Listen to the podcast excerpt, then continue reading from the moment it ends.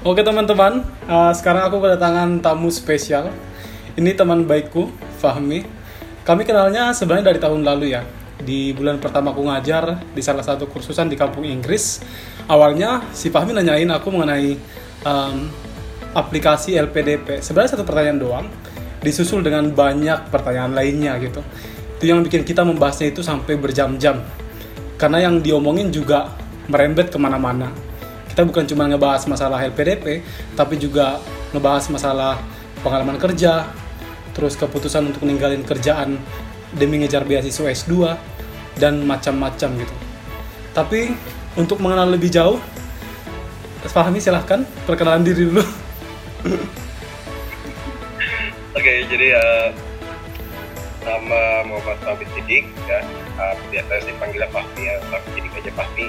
Ya asal saya sendiri itu dari Kalimantan Tengah itu di Pangkalanbun lamanya cuma memang orang tua domisilinya di Kalimantan Tengah juga tapi kalau tanah kelahiran sebenarnya lebih di Kalimantan Selatan. Jadi keluarga besar itu di Kalimantan Selatan besar saya tumbuh besar di Kalimantan Tengah. Terus kuliah S1 di Yogyakarta dan sekarang sedang tinggal atau berdomisili saat ini di Bogor. Oh, Oke, okay. di Bogor ya. Oh berarti dari lahir sampai ya, SMA di... Kalimantan tadi ya? Aku lahirnya di Kalimantan Selatan, cuma besarnya di Kalimantan Tengah. Jadi hmm. dari umur 2 tahun sampai SMA itu di Kalimantan Tengah, baru setelah kuliah di Jogja. Nah sekarang uh, dari 2018 sampai saat ini domisili sudah kita Bogor, tepatnya di Ciawi. Hmm, berarti keluar dari Kalimantan itu pas S1 ya bro ya? Ya pas kuliah ya, ya. Hmm. tapi kenapa kenapa memilih kuliah di Jawa oke kalau mungkin sebagian dari teman-teman di daerah atau saya pribadi kan, atau dari lingkungan dari zaman SMA ada semacam hambatan gitu kalau mau kuliah di Jawa tuh kayak oh, pemikiran-pemikiran bahwa oh di Jawa itu terlalu jauh gitu sama kita yang dari daerah nggak ada sanak saudara di sana. Nanti kalau susah kayak gimana segala macamnya. Karena dari Kalimantan kotanya kota kecil banget. Terus orang tua atau dari keluarga besar banyak berkuliah itu di Banjarmasin. Tepatnya di Universitas Sambung Mangkurat banyaknya di sana. Hmm. makanya dari dulu itu ada semacam doktrin mungkin ya dari orang tua atau dari keluarga besar. Nanti kalau kuliah gak usah jauh-jauh yang dari keluarga ya. Berarti di Banjarmasin gitu diulang jadi ada pemikiran yang kayak gitu. Cuman waktu kelas 3 SMA itu kan sudah mulai apa ya mulai menetapkan nanti setelah lulus SMA mau ke mana. Nah lebih tepatnya dari kelas 2 SMA itu saya sudah mantep. Sudah mantep ke ini IPDN awalnya maunya mau masuk IPDN atau STPDN kalau zaman dulu kita kenal. Jadi kelas 2 SMA itu udah mantap persiapan jadi dari 2000 berapa ya? 2009 waktu itu dari 2009 kelas 2 semester 2 saya udah masuk ke PDN persiapan fisik segala macam tesnya segala macam. Nah cuman kan ada tentu ada plan B seandainya kalau saya gagal di, di PDN selama selama proses tes atau seleksinya itu gimana ya saya kuliah kan. Dari situ sudah mulai tertingkir pikiran untuk kuliah di, di Banjar itu di Banjarmasin dekat keluarga kalau sudah jadi saya udah sudah persiapan dengan segala konsekuensinya jauh dari orang tua. Toh di Banjarmasin mau di PDN juga pasti jauh sama orang tua. Udah. Nah waktu kelas 3 plan B nya saya netapkan ke Institut Pertanian Triper Yogyakarta. Pemikirannya waktu itu gini uh, kalau untuk masuk ke negeri itu di masa-masa seleksi dari PDN dimulai dari kalau nggak salah waktu tahun 2010 itu dari bulan April sampai Agustus lama prosesnya itu. Kalau nggak salah ya saya kurang tahu update lagi terakhir kali. Nah kalau misalnya gagal selama di tengah-tengah proses itu saya nggak tahu nanti gagalnya di tahap yang mana. Ya untuk negeri kebanyakan sudah pada tutup untuk proses seleksinya maupun pendaftaran. SNMPTN-nya udah banyak tutup dan, dan saya juga nggak bisa untuk ikut seleksi SNMPTN karena harus datang ke kota tes kan dari hmm. apa saya di Pangkalan Bun waktu itu tesnya harus di di Palangkaraya nah, di kota jadi sedangkan jaraknya kurang lebih 10 jam perjalanannya pakai dan itu memakan waktu berhari-hari harus wirawiri untuk SNMPTN dan semacamnya itu tentu nggak bisa karena prioritas saya masuk ke IPDN otomatis cari yang seleksinya paling fleksibel gitu. ya ke swasta karena waktu itu yang buka di Stiper waktunya paling fleksibel untuk apa masuk dan sekolah kami waktu itu SMA ada ya semacam kerjasama karena banyak alumni juga yang bersekolah karena ber, uh, apa lanjut S1 Stiper waktu itu. Jadi proses seleksi nggak ada kalau saya masuk di Stiper waktu itu. Kampusnya kampus kecil berat nah waktu saya gagal di tengah. Intinya singkat cerita gagal waktu mau masuk PDN sudah sampai di pertengahan tahap untuk seleksi daerah. Karena seleksinya seleksi regional dulu dari provinsi Kalimantan Tengah baru nanti penentuan akhir atau pantokir itu di pusat di Jatinangor Jawa Barat atau Sumedang. Gitu. Cuman sudah gagal di di proses seleksi pertengahan seleksi di regional. Nah karena gagal akhirnya saya melanjutkan uh, ke Instiper kan? uh, berkas semuanya kembali apa KT berkas dan semacam sudah diproses selama saya seleksi proses komunikasi juga sama guru sekolah waktu itu dibantu proses administratifnya jadi sudah cukup tengah jalan clear juga cukup clear lah untuk ke Instiper persiapannya akhirnya berangkat gitu. orang tua saya latar belakangnya TNI jadi wajar karena awalnya memang nggak ada ada keinginan masuk TNI tapi karena sadar kehidupan TNI itu tidak sesuai dengan minat saya akhirnya ke IPDN dan ke IPDN ternyata gagal masuklah ke Instiper. Cuman lucunya kenapa harus pertanian gitu kan? Saya juga nggak bisa mikir kenapa harus pertanian. Karena oh ya bukan Instiper pertanian. Saya juga nggak terlalu benci sama pertanian. Suka juga biasa aja gitu loh. Jadi bisa dibilang uh, biasa aja gitu masuk ke pertanian itu bukan masalah passion awalnya. Cuman mikir oh pertanian di sini di daerah saya latar belakangnya memang uh, perkebunan. Sedangkan di situ disediakan minat perkebunan kelapa sawit. Saya udah langsung kayak ada mapping mapping di dalam plan saya. Gitu oh saya kuliah 4 tahun. Nanti saya kuliah 4 tahun di institut 4 tahun setelah lulus saya jadi uh, masuk di perkebunan kuliah untuk di bekerja di perkebunan. Terus perusahaannya waktu itu saya masuknya di Astra. Saya udah eh sama kelas 3 saya udah berpikir gitu. Jabatan saya targetnya nanti waktu itu masih terpikirnya jabatannya pengen jadi manajer. Oke. itu waktu waktu sebelum persis sebelum kuliah saya sudah mapping plan untuk seperti itu. Akhirnya berangkat. Ya, jadi selesai mapping semuanya segala macam akhirnya berangkat bareng sama teman-teman. Uh, orang tua nggak ngantar kalau teman-teman yang lain diantar sih kebanyakan. Ya teman-teman saya yang berangkat kuliah di Jawa itu diantar orang tuanya mulai kayak ditemanin cari posnya jam waktunya saya minta tolong kakak-kakak tingkat saya yang ada di sana dan ada kosan jadi dicarikan sementara. Penting saya bisa tinggal dulu masalah harga. Ya prioritas kedua saya dapat tempat tinggal nanti kalau nggak cocok kita bisa kemudian transportasi itu bukan pertama kalinya saya ke Jawa sendiri sebenarnya. Tapi memang bepergian yang paling jauh saat di usia itu ya memang waktu itulah kan berangkatnya bertiga waktu itu. Kebetulan ada teman yang sama-sama satu kampus satu tujuan satu jurusan di juga bertiga. Kita pakai kapal jalanan dari Pangkalan Tun ke Semarang ke dari pelabuhan Kumai ke pelabuhan Tanjung Mas ya di Semarang. Kurang lebih sekitar 24 jam. Ternyata waktu di kapal kita ketemu teman-teman yang kuliahnya di UMY sama-sama anak Kalimantan juga sama-sama satu sekolah kakak tingkat temunya di kapal. Akhirnya uh, nebeng gitu jadi satu jadi satu rombongan. Dan travelnya dari Semarang ke Jogja jadi satu. Sampailah dan memulai kuliahan okay. tingkatnya gitu sih oke ini menarik nih. Instiper itu sebenarnya S1 apa D3 sih? Jadi Instiper itu S1. S1 dia eh, programnya lebih banyak diarahkan ke dunia perkebunan, khususnya perkebunan kelapa sawit dan perkebunan karet.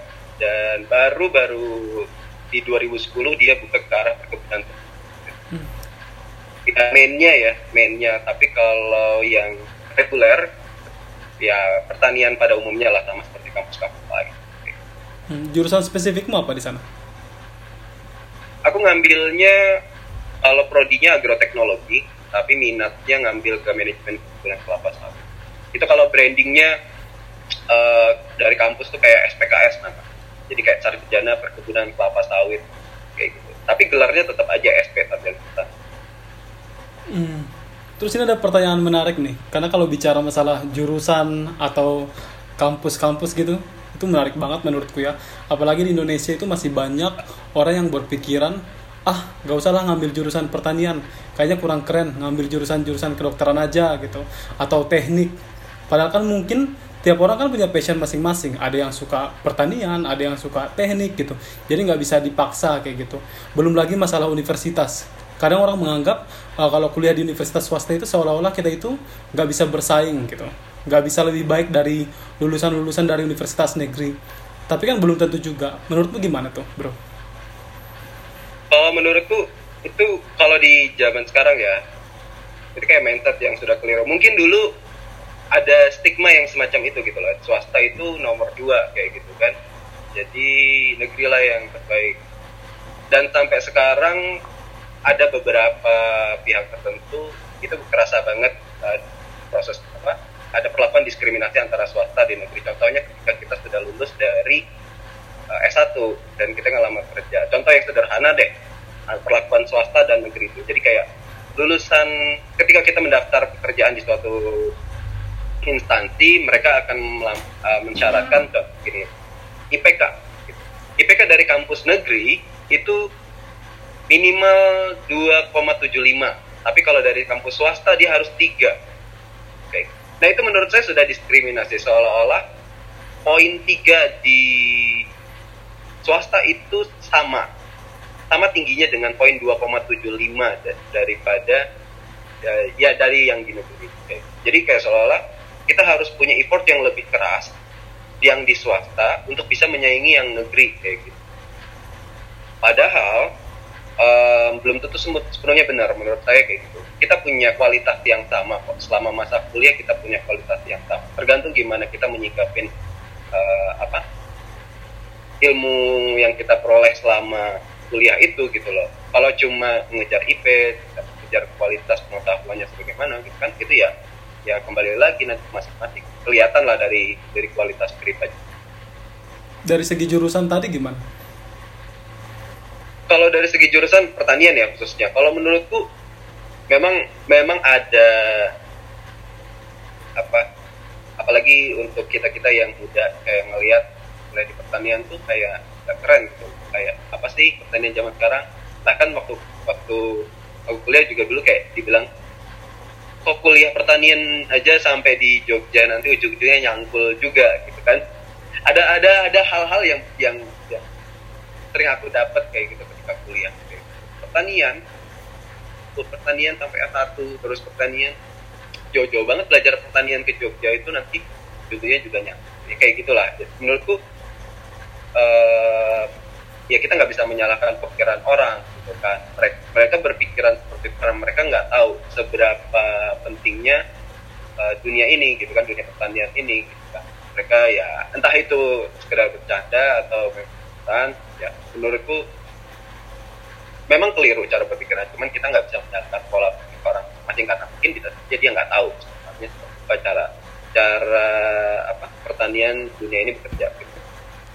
Nah ketika mau jurusan yang aku perhatikan bahkan dari zamanku dari pengalamanku dari SMA sampai ke orang-orang di sekitarku sakit teman itu ada adikku sendiri gitu kan kebanyakan mereka yang kelas 3 biasanya mengalami bingung mau kuliah itu seperti apa. Terutama anak-anak SMA ketika dia nggak terlibat di ekstrakurikuler gitu kan nggak begitu terlibat di organisasi atau osis semacamnya jadi nggak tahu sebenarnya minatnya mana dan terutama nggak ada orang-orang di sekitarnya yang mengarahkan. Apalagi guru-guru yang apa ya guru-guru yang benar-benar kompeten untuk mengarahkan minat anak sesuai dengan jurusan kuliah yang akan dia ambil depannya. Nah, kebanyakan siswa-siswa SMA yang kelas 3 atau kelas 12 itu mereka bingung gitu. Bingung mau menentukan jurusan apa. Itu sih yang aku amatin kalau bingung habisnya bisa kita gap year aja gitu kan. Gap year tapi dengan tanya-tanya tapi kalau sudah punya minat itu menurutku lebih baik. Kejar aja apa yang jadi minatnya nggak usah terlalu khawatirin masalah nanti apakah ini akan berguna di masa depan. Gitu. Jurusan apa pun menurutku kalau kita nggak bisa ngejiwainnya dan nggak benar-benar memakai ilmunya dengan baik gitu kan menurutku nggak akan berguna sama sekali di masa depan. Ilmunya ya jurusan itu ya. Banyak kok temenku di pertanian ternyata dia lebih cocok jadi entrepreneur kan gitu. Ternyata di kuliah pertanian itu yang mungkin nggak cocok bagi dia. Nggak akan berguna pertaniannya. Kalau kita melihat pertanian itu nggak berguna gitu. akhirnya lulus jadi entrepreneur dan sukses gitu kan. Ya berarti pertaniannya nggak sukses tapi jiwa entrepreneurnya yang sukses. Ada hal yang lain mungkin yang dia dapatkan semasa kuliah. Nah itu nomor dua gitu menurutku. Kalau kita bisa apa ya men menggabungkan antara apa yang kita sukai dan apa yang akan kita pelajari kan itu akan jauh lebih powerful sih jadi temukan dulu sebenarnya apa yang akan kita sukai itu yang lebih penting terus baru kita pilih apa yang akan kita pelajari masalah berguna atau enggaknya tergantung kita menggunakannya nanti Oke, berarti soal memilih jurusan itu yang paling pertama itu harus di, dipikirkan itu mengenai passion kita di mana dulu gitu ya, hmm, baru menentukan itu. Iya iya benar. Jadi ada kecenderungan kayak gini, kalau orang pinter itu biasanya gini bro. Jadi kalau orang pinter tuh yang di semua mata pelajaran itu bisa, kadang juga mengalami kesulitan dalam menentukan jurusan karena dia bingung, bingung karena di semua pelajaran dia hampir bagus semua dan menguasai. Jadi di mana sebetulnya dia benar-benar akan lebih tajam mengasah kemampuannya kan karena kalau sudah kuliah kan kita akan lebih spesifik kan banyak sekali apa jurusan di S1 gitu loh. SMA itu kan cuma IPA, IPS dan bahasa atau ada tambahan jurusan hmm. lainnya lah kan gitu ya. Begitu kita mau kuliah itu tuh kita langsung menghadapi jurusan yang spesifik gitu loh entah dari apa yang IPA sendiri dipecah lagi, yang IPS sendiri dipecah lagi, bahasa pun dipecah lagi antara pendidikan dan sastra dipecah lagi dan luas banget dari bahasa Indonesia, Inggris, Jepang, Jerman dan semacamnya. Nah, kalau orang yang pintar kebanyakan dia bingung sebenarnya dia benar-benar bagus tuh di gitu. Kemudian dia sukanya apa? Karena bisa aja dia lebih uh, apa? Dia suka lebih dari satu bidang kan itu akan lebih sulit. Ya itu mungkin merenungnya lebih dalam gitu ya. Tapi kalau untuk orang-orang yang kayak aku gitu misalnya yang otaknya pas-pasan, bagusnya cuma di beberapa pelajaran, itu ya udah kalau memang bagus di satu dua mata pelajaran, pilih salah satu yang paling bagus dari dua itu, ya udah teruskan itu nanti ketika kuliah itu bakal jauh lebih berguna gitu kan. Ketika kita bagus, kita suka, gitu kan.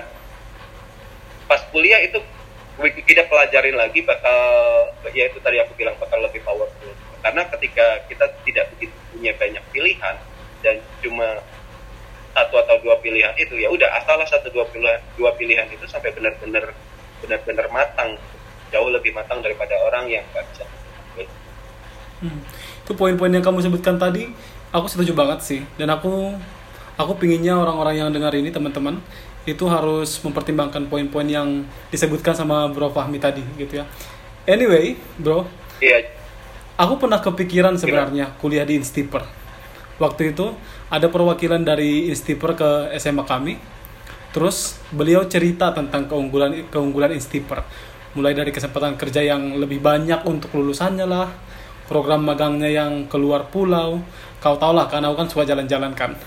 Ditambah lagi durasi kuliahnya yang katanya cuma tiga setengah tahun apa ya waktu itu ya. Tapi kan tadi kan kamu nyebutnya kan empat tahun kan. Belum lagi pas tahu Instiper itu di Jogja wah makin menggebu-gebu lah pengen ke sana gitu Jogja gitu loh kota impian banget beberapa keunggulan yang udah aku sebutin barusan jadi alasanku untuk kuliah di sana awalnya loh ya walaupun nggak jadi. Itu menjadi alasanmu juga nggak sih untuk kuliah di sana? Ya awalnya gitu. Karena memang brandingnya mereka tuh tiga setengah tahun itu paling tua aku bisa lulus lebih cepat daripada teman-temanku. Kan empat tahun. Nah, normalnya empat tahun. Empat tahun. Kemudian peluang kerja di dunia perkebunan tinggi. Ya ya anak SMA tuh mungkin gak banyak anak SMA yang bisa berpikir sangat visioner gitu kan jauh banget ke ya, ya, itu yang tadi aku ceritakan. Aku cuman aku bakal jadi pekerja di setelah lulus aku dapat kerja aku jadi pekerja kerja di beberapa tahun cuman berpikiran seperti itu apakah aku bakal menjiwainya atau enggak apakah aku bakal sulit dapatkan proses atau enggak itu enggak aku pikir. Itu cuma pikir gitu. nah tiga setengah tahun itu kan tawaran yang menarik. Kemudian peluang kerja itu juga tawaran menarik. Karena kebanyakan orang kan lulus kuliah tuh bingung gitu. Setelah lulus kuliah aku harus mikirin lagi mau lagi. Ini aja aku SMA mau menentukan kuliah aja aku bingung. Terus setelah kuliah aku harus mikir lagi aku mau ke mana lagi gitu kan. Itu belum kepikiran. Makanya kebanyakan orang-orang ngambil sekolah-sekolah yang ada ikatan dinasnya karena setelah lulus ya mereka nggak terlalu pikirkan uh, apa mencari pekerjaan yang banyak saingannya kemudian dan semacamnya lah jadi langsung di usia 21 tahun normalnya kalau yang normal usia lulusan S1 21 tahun itu udah punya pekerjaan matang dengan gaji yang mungkin di, di beberapa instansi maupun ikatan dinas ataupun yang swasta ya. Jadi jadi itu tuh kayak tawaran menarik untuk anak-anak ya anak-anak usia usia 17 tahun atau 18 tahun yang baru lulus SMA karena mikirin kuliah, mikirin kerja nanti kayak gimana. Jadi dia nggak mau ambil pusing. Sudah ada jalur trek yang disiapkan sama pihak-pihak tertentu. Jadi ya dia tinggal ngikutin jalur aja daripada ngambil opsi lain ke jalur yang baru, sedangkan dia nggak tahu nanti akan seperti apa.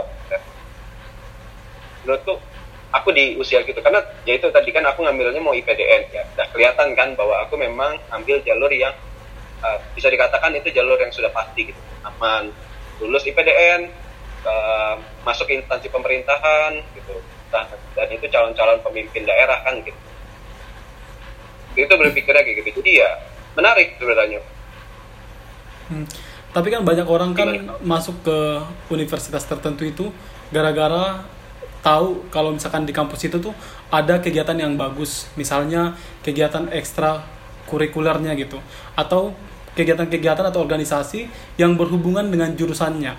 Misalkan nih di Fakultas Hukum itu ada semacam peradilan semu gitu, ada organisasinya tuh. Jadi kan orang kan senang tuh, ada jadi hakimnya, ada jadi ininya gitu. Jadi ada organisasi yang berhubungan dengan jurusan itu. Hari Stiper sendiri ada nggak sih organisasi yang berhubungan dengan pertanian? kalau organisasi kalau kita mungkin nyebutnya lebih kayak banyak organisasi kima atau uh, kalau yang mengarah sifatnya ke ekstrakurikuler itu lebih kayak UKM ya unit kegiatan mahasiswa kan yang berhubungan langsung dengan pertanian nggak ada sih kalau menurut aku di Stanford itu sejauh apa atau selama aku kuliah atau kalau yang update yang terbaru ini seperti apa jadi kalau kuliah itu organisasinya kalau yang berbau sedikit berbau dengan tanaman itu lebih ke jadi kayak ada UKM yang kegiatannya itu lebih banyak ke aktivitas uh, penanaman mangrove di daerah pesisir atau daerah-daerah yang ya semacam kegiatan konservasi alam lah lebih lebih tepatnya yang, yang kegiatan tapi kalau untuk spesifik pertanian mungkin nggak ada kolektif tapi kalau organisasi lebih ke ke IMA ya ikatan-ikatan mahasiswa atau himpunan mahasiswa ya hampir di semua kampus kayaknya ada. Hmm. Tapi menarik kalau yang hal-hal kayak gini ada ada kampus yang yang dia terkenal banget sama ininya sama yang berbau ekstrakurikuler. Contohnya kayak ini uh, UNY, ya kan bro? Jadi kalau UNY itu olahraganya terkenal banget. Gitu. Banget banget. Mereka-mereka yang nah banget kan gitu. Bahkan atlet-atletnya tuh bukan lagi kalau udah kegiatan SEA Games atau PON gitu itu udah sering ngirimkan atlet nasional. Itu ngirim atlet atlet nasional atau juga internasional atlet internasional. Itu udah banyak banget mahasiswa pada mahasiswa belajar di jurusan itu di bidang olahraga itu misalnya katakan dia di bidang olahraga bela diri misalnya atlet silat atau taekwondo gitu kan nah itu mahasiswanya di bidang itu kemudian banyak banget yang mereka ngukir prestasi di gitu. Jadi kayak itu menarik ya menurutku. Jadi antara jurusan kegiatan kemudian kegiatan luarnya tuh jalan semua. Kalau SMA yang punya minat atau ekskul dari apa SMA yang sudah terasa dan pengen mengasah lebih lanjut kemudian punya minat yang besar di bidang olahraga mungkin bagus tuh pilihan. Itu yang aku tahu sih kalau untuk kampus-kampus lain mungkin bisa di riset lagi. Hmm, pas kuliah ngapain aja? Kadang kan aku dengar-dengar nih kau ikut um, Palang Merah Indonesia ya? Itu kegiatannya ngapain aja sih? Yoi. jadi udah tujuh tahun um, lebih loh. Iya ya tujuh tahun lebih. Aku dari 2013 terhitung aktif. Jadi gini itu di tahun pertama aku kuliah itu sebenarnya aku masih belum mantep betul-betul pengen di pertanian. Belum belum benar-benar mantep 100% ya bisa dikatakan yang saya aku bilang aku nggak bukan nggak bukan benci dengan pertanian nggak suka. Tapi untuk suka dikatakan suka pun kayaknya masih biasa aja. Jadi bukan passion juga pada umumnya. Tapi nggak nilaiku nggak bermasalah nilaiku bagus gitu menurutku gitu kan. Menurutku nilaiku baik-baik aja sejauh ini selama kuliah. Nah di tahun pertama itu aku masih ada yang seperti aku ceritakan aku kayak ada punya pikiran untuk nggak mau ribet. Ketika lulus lulus S1 tuh mau cari kerjaan itu nggak mau ribet. Jadi aku coba lagi daftar ke tahun pertama itu aku nggak nggak daftar sama sekali untuk kegiatan mahasiswa pada umumnya. Jadi aku kuliah ulang kuliah ulang. Eh, setelah satu tahun di 2019 aku ikut seleksi STAN sekolah tinggi. Akuntansi negara ya? Negara. ah akuntansi negara. Aku daftar lagi stan jadi D1 D1 apa D3 aku daftar karena stan juga ikatan dinas kan? Jadi masuk perpajakan. Kebetulan ada kakak juga kakak sepupuku di Banjar itu. Uh, dua orang. Dia lulusan stan D1 itu di Makassar pendidikannya. Dan sudah itu udah aku ketika kuliah dia udah kerja aktif. Ya. jadi aku banyak dapat informasi mengenai stan itu dari mereka dan tertarik. Akhirnya daftar tapi gagal lagi. Nah setelah gagal lagi itu bap bapakku nanya gitu gimana tahun depan kalau mau daftar lagi stan lagi atau IPDN lagi coba lagi aja. Kalau kamu masih penasaran coba lagi aja. Tapi aku pikir ya sudah lah aku sudah berusaha untuk daftar IPDN aku sudah berusaha daftar. Stan aku pikir mungkin antara usaha dan kesempatanku tuh aku nggak beruntung dan nggak rezeki. Bisa dikatakan bukan berarti aku nggak usaha gitu kan. Uh, aku punya gagasan bahwa definisi beruntung itu atau rezeki kan? Rezeki itu sama aja kayak beruntungan jadi definisi beruntung itu kayak ketika kesempatan bertemu dengan usaha atau sebaliknya. Kalau Agnes Monica bilangnya pas di Kikendi ya katanya itu intersection point antara kesiapan dengan kesempatan jadi mau kesempatan sebanyak apa pun, kalau kita nggak siap, kita nggak bakal bisa dapat tuh gitu. Benar-benar, makanya itu kan aku bilang ketika usaha bertemu dengan kesempatan kan. Jadi ya itulah keberuntungan gitu kan. Jadi sebanyak apa pun usaha aku ketika aku nggak punya kesempatan untuk ke sana gitu kan. Ya nggak akan masuk atau mungkin kesempatannya ada ternyata uh, kesiapanku atau usahaku yang masih kurang dua kali sudah PDN gagal dan gagal akhirnya aku memutuskan di 2011 2011 itu udah ya aku sudah benar-benar fokus untuk di kuliahku aja. Masalah nanti setelah aku lulus aku belum terlalu aku nggak perlu lagi khawatirkan itu. Yang penting aku kuliah kemudian mengembangkan diriku masalah pekerjaan pasti ada lagi nanti kesempatan. Karena ya itu kan. Yang penting aku siapkan diri sebaik mungkin dan dan kesempatan itu bukan ditunggu tapi harus dicari. Karena setiap ya kalau setiap kesempitan kan pasti ada kesempatan lah. Jadi di 2011 2011 aku daftar di organisasi semacam lembaga dakwah kampus itu. Kemudian juga aktif dari 2010 sebenarnya aku 2010 itu kalau di kampus itu aktifnya di KSR dan LTK lembaga dalam kampus.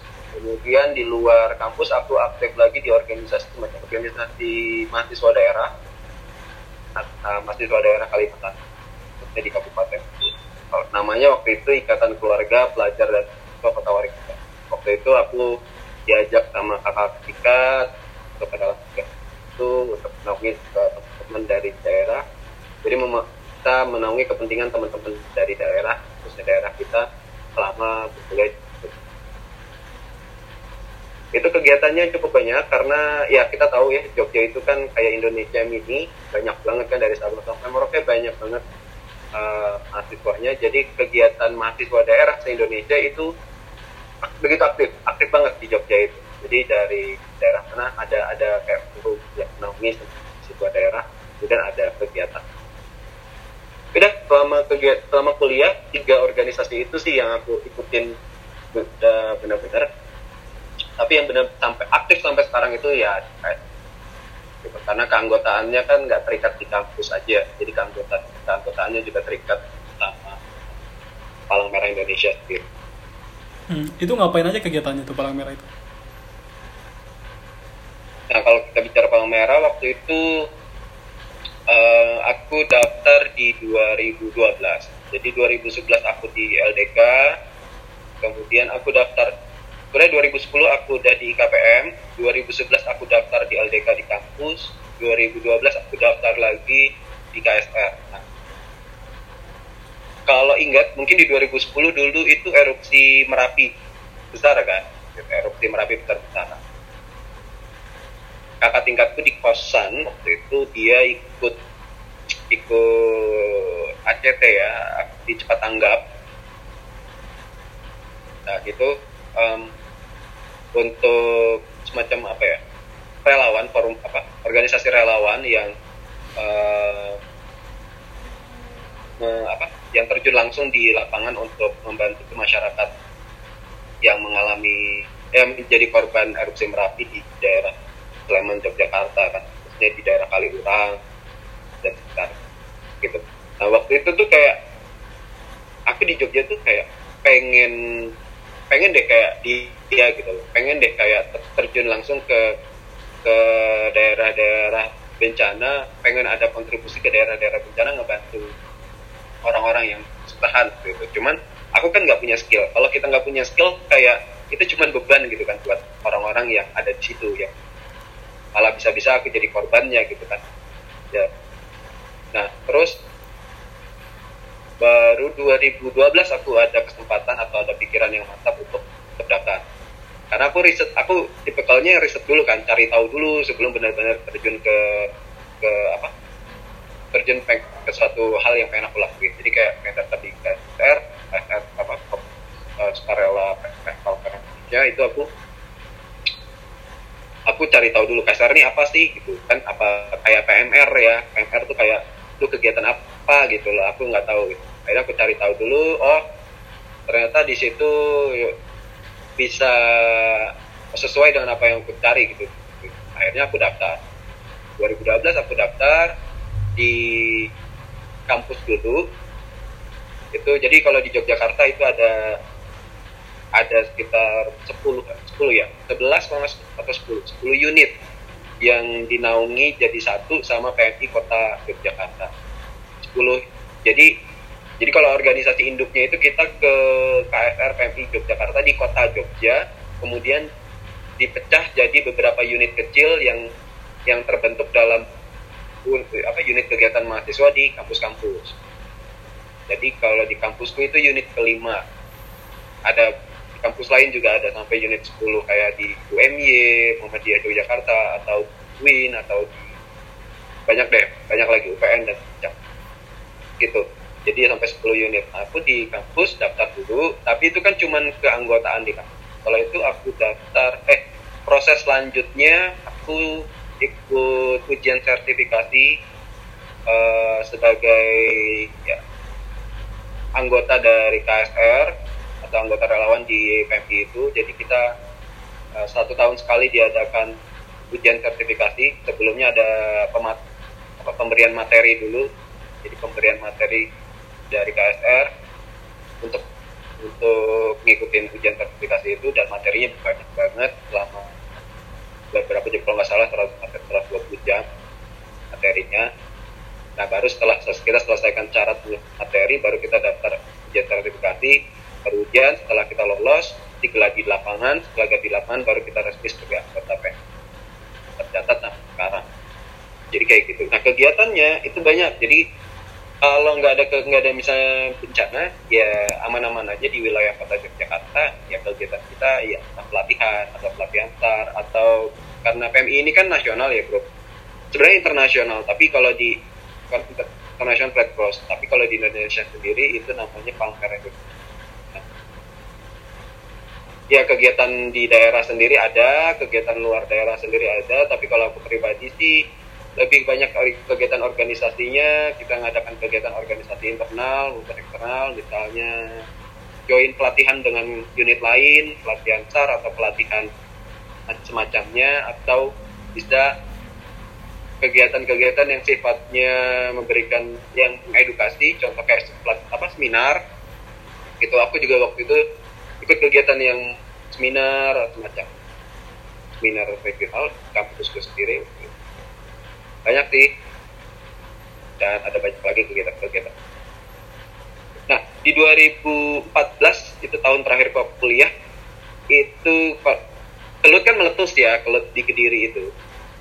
Cuman kota yang terdampak gitu parah itu kan Solo dan Yogyakarta karena abunya ke arah barat dari dari kediri ke arah barat dan terdampak itu Solo dan Yogyakarta. Cuma kalau Solo waktu itu satu hari di hari hari itu juga dia langsung hujan Jogja kalau kata tiga hari nggak ada hujan jadi tiga hari cukup abunya tebal banget. Jadi aku ngerasakan dua kali erupsi itu waktu itu. Merapi dan Kelut di tahun pertama Merapi tahun terakhir kuliah itu Kelut. Waktu di Kelut aku nggak karena kejadian bukan di Jogja di Kediri tapi cuma kebagian aja ya kita tetap terjun ke lapangan ya kegiatannya ya. Mungkin sederhana seperti pembagian masker tapi kita langsung terjun. Ya tidak di ini di tengah abu kota itu. Menurutmu kegiatan volunteer kayak gini sama ikut organisasi kampus itu penting nggak sih? Kan banyak tuh kadang orang aduh kayaknya kalau misalnya aku ikut organisasi kampus itu bakal bakal merugikan gitu. Atau bakal mengganggu kuliah gitu. Gimana menurut paham itu? Uh, setelah kita lulus kan kita bakal terjun langsung di dunia kerja kan? Nah untuk di dunia kerja itu sendiri atau di dunia apa di di lingkungan masyarakat. Oke kita bahas yang kerjanya aja deh. Untuk bisa dapat pekerjaan yang benar-benar kita inginkan menurutku pinter aja tuh nggak cukup. Bahkan bukan dapatin aja ya selama bekerja. Bahkan selama bekerja. Untuk bisa bekerja dengan baik atau dapat kemudian bisa bekerja dengan baik pinter aja tuh nggak cukup. Kalau pinter itu cukup menurutku banyak sekali orang-orang di luar sana yang IPK-nya uh, tinggi-tinggi tapi ya mungkin dia nggak sedikit kali mendapatkan kesempatan kerja karena uh, leadershipnya nggak ada. Jadi ke, di organisasi itu kan kita melatih gimana kita bekerja dengan orang-orang sekitar dan melatih uh, jiwa kepemimpinan kita di dalam berorganisasi. Karena kita begitu selesai kuliah masuk dunia kerja itu kan organisasi yang nyata gitu kan. Bukan bukan berarti kuliah itu nggak nyata atau, atau uh, ada tanggung jawab yang lebih besar ketika bekerja karena kita dibayar untuk itu gitu loh. Kan ketika kita bekerja kita dibayar. Kalau kita nggak bisa bersosial dengan baik atau kerja tim dengan baik ketika bekerja ya tentu akan sangat mengganggu uh, progres kerja tim itu sendiri kan. Nah, makanya menurutku sangat penting untuk berorganisasi itu. Banyak kok orang yang IPK-nya nggak bagus, mungkin dia secara akademik, karena kalau udah kemampuan akademik ini kan ber, berhubungan sama intelijensi masing-masing ya. Gitu. Tapi kalau kepemimpinan ini kan dia apa sih kayak uh, berangkat dari rasa tanggung jawab kan yang mendorong itu gitu kalau itu sudah terbentuk dari awal meskipun IPK-nya pas-pasan menurutku kalau jiwa kepemimpinannya ada pasti dia lebih struggle nanti di luar sana. Daripada orang yang cuma pinter tapi nggak bisa mimpin ya udah. Artinya nanti dia cuma ketika dia masuk ke masyarakat bisa jadi bisa jadi dia malah kebalik di dunia kerja itu. Malah orang-orang yang bisa mimpin itu yang di masa kuliahnya nilainya cuma C dan D gitu bakal jadi pemimpin orang-orang yang nilainya B dan A. Kan gitu. Bisa aja bisa aja dan itu nggak makanya aku bilang uh, akademik dan dan organisasi itu sama-sama penting bukan berarti penting. Tapi pinter aja nggak cukup. Pinter aja nggak cukup. Maka bentuklah diri kita itu untuk, untuk jadi pribadi yang bertanggung jawab dan punya leadership yang sangat mumpuni dalam apa, bekerja di dalam dua organisasi uh, kelompok. Okay. Tapi menurutmu IPK itu penting nggak sih? Karena kan ada tuh yang bilang kayak gini, ah IPK mah nggak penting. Yang penting itu ikut organisasi lah, kegiatan yang banyak. Jangan jadi mahasiswa kupu-kupu, kuliah pulang, kuliah pulang. Gimana menurutmu, bro? Kalau aku sih itu pemikiran yang keliru ya. Gitu gini kenapa kita keliru maksudku uh, jangan jadikan ketidakmampuan kita di satu hal misalnya antara IPK dan organisasi misalnya atau kuliah dan organisasi. Ketidakmampuan kita dalam menempuh pendidikan kuliah itu apa ya menjadi sebuah pembenaran gitu sebuah pembenaran dari dari kalimat itu gitu kan. IPK kan nggak begitu penting nanti ketika lulus ya organ kemampuan berorganisasi lah yang lebih dicari. Eh kalau gini untuk lolos mendapatkan kualifikasi di pekerjaan itu kan kita ada yang namanya persyaratan kan. Persyaratan itu kan dilihatnya di atas kertas nah, gimana orang bisa menilai satu pihak gitu. Supaya cepat ya screening lewat di atas kertas dong. Jadi kalau nilaimu bagus ya kita bisa dapat tapi baru lanjut ke proses seleksi baru kita lihat gimana sih anak ini kepribadiannya kepemimpinannya responnya dalam bekerja nanti di sebuah tim itu seperti apa kan segala macam. Dijalin pertanyaan berbagai macam di dalam wawancara. Itulah untuk mengecek potensi orangnya. Jadi nilai itu sebenarnya cuma habis di atas kertas, sisanya kita bekerja dengan uh, sikap kan. Tapi bukan berarti nggak penting menurut aku ya. Kecuali memang kalau kita tidak uh, sudah tidak ada niat untuk bekerja di apa bekerja ikut orang lah bahasanya ya. Jadi pengen langsung terjun di entrepreneur punya modal ya IPK menurutku nggak begitu begitu penting sih jadi ngelihatnya dari kacamata yang bermacam-macam deh kembali lagi ke pribadi orangnya. Nah, karena aku punya teman gitu kan. Punya teman kuliah di satu bidang.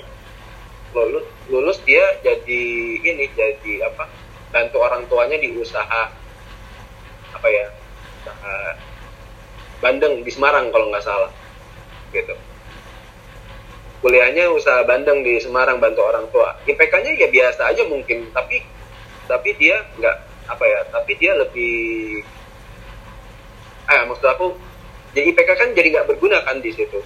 IPK dia jadi tidak berguna di pekerjaan yang memang sudah dia niatkan dari awal. Nah kalau kamu bisa atau teman-teman yang lain teman-teman yang lain sudah ada niatan mencari pekerjaan eh, pengalaman bekerja di industri yang besar untuk mencari sebelum mendirikan industrinya masing-masing atau pengen jadi entrepreneur itu tapi pengen cari pengalaman dulu di ikut orang dulu ya menurutku penting banget sih IPK jadi jangan dikesampingkan ya jangan jadi sebuah alasan bahwa ketidakmampuanmu itu uh, menutupi ketidakmampuanmu dengan kalimat bahwa IPK nggak penting yang penting kan organisasi hmm. jadi menurutku perlakukan IPK dan dan perlakukan nilai atau akademik itu sederajat dengan organisasi. Percuma pinter, tapi nggak bisa mimpin orang.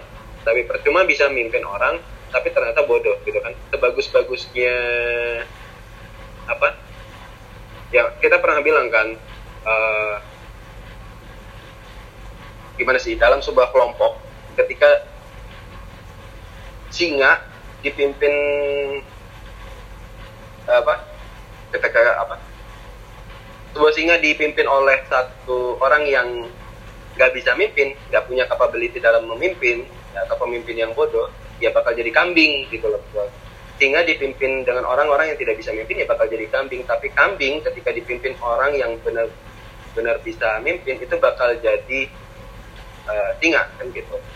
Nah tapi untuk bisa mimpin kan juga butuh pengetahuan itu. Jadi menurutku sama sama perlakuannya sama intinya buatku sih dua-duanya harus seimbang ya. Antara uh, kemampuan itu kepemimpinan dan yang lain-lain sebagainya itu sama kemampuan akademis ya. Yang amit-amit itu kalau udah IPK jongkok nggak terlibat di organisasi. Itu yang menurutku jauh lebih merugikan ya. Banget. sudah IPK-nya pas-pasan nggak kuliahnya kuliah pulang kuliah pulang. Ketika terjun ke masyarakat apa yang mau dia jual kayak gitu. Jadi ya pinter dia pasti punya benefitnya sendiri lah jadi orang pinter kan nggak pinter tapi dia banyak berorganisasi juga pasti punya manfaatnya sendiri gitu. akan lebih baik dua-duanya jalan tapi sangat rugi kalau uh, nggak pinter tapi tidak punya nggak bisa mimpin orang kan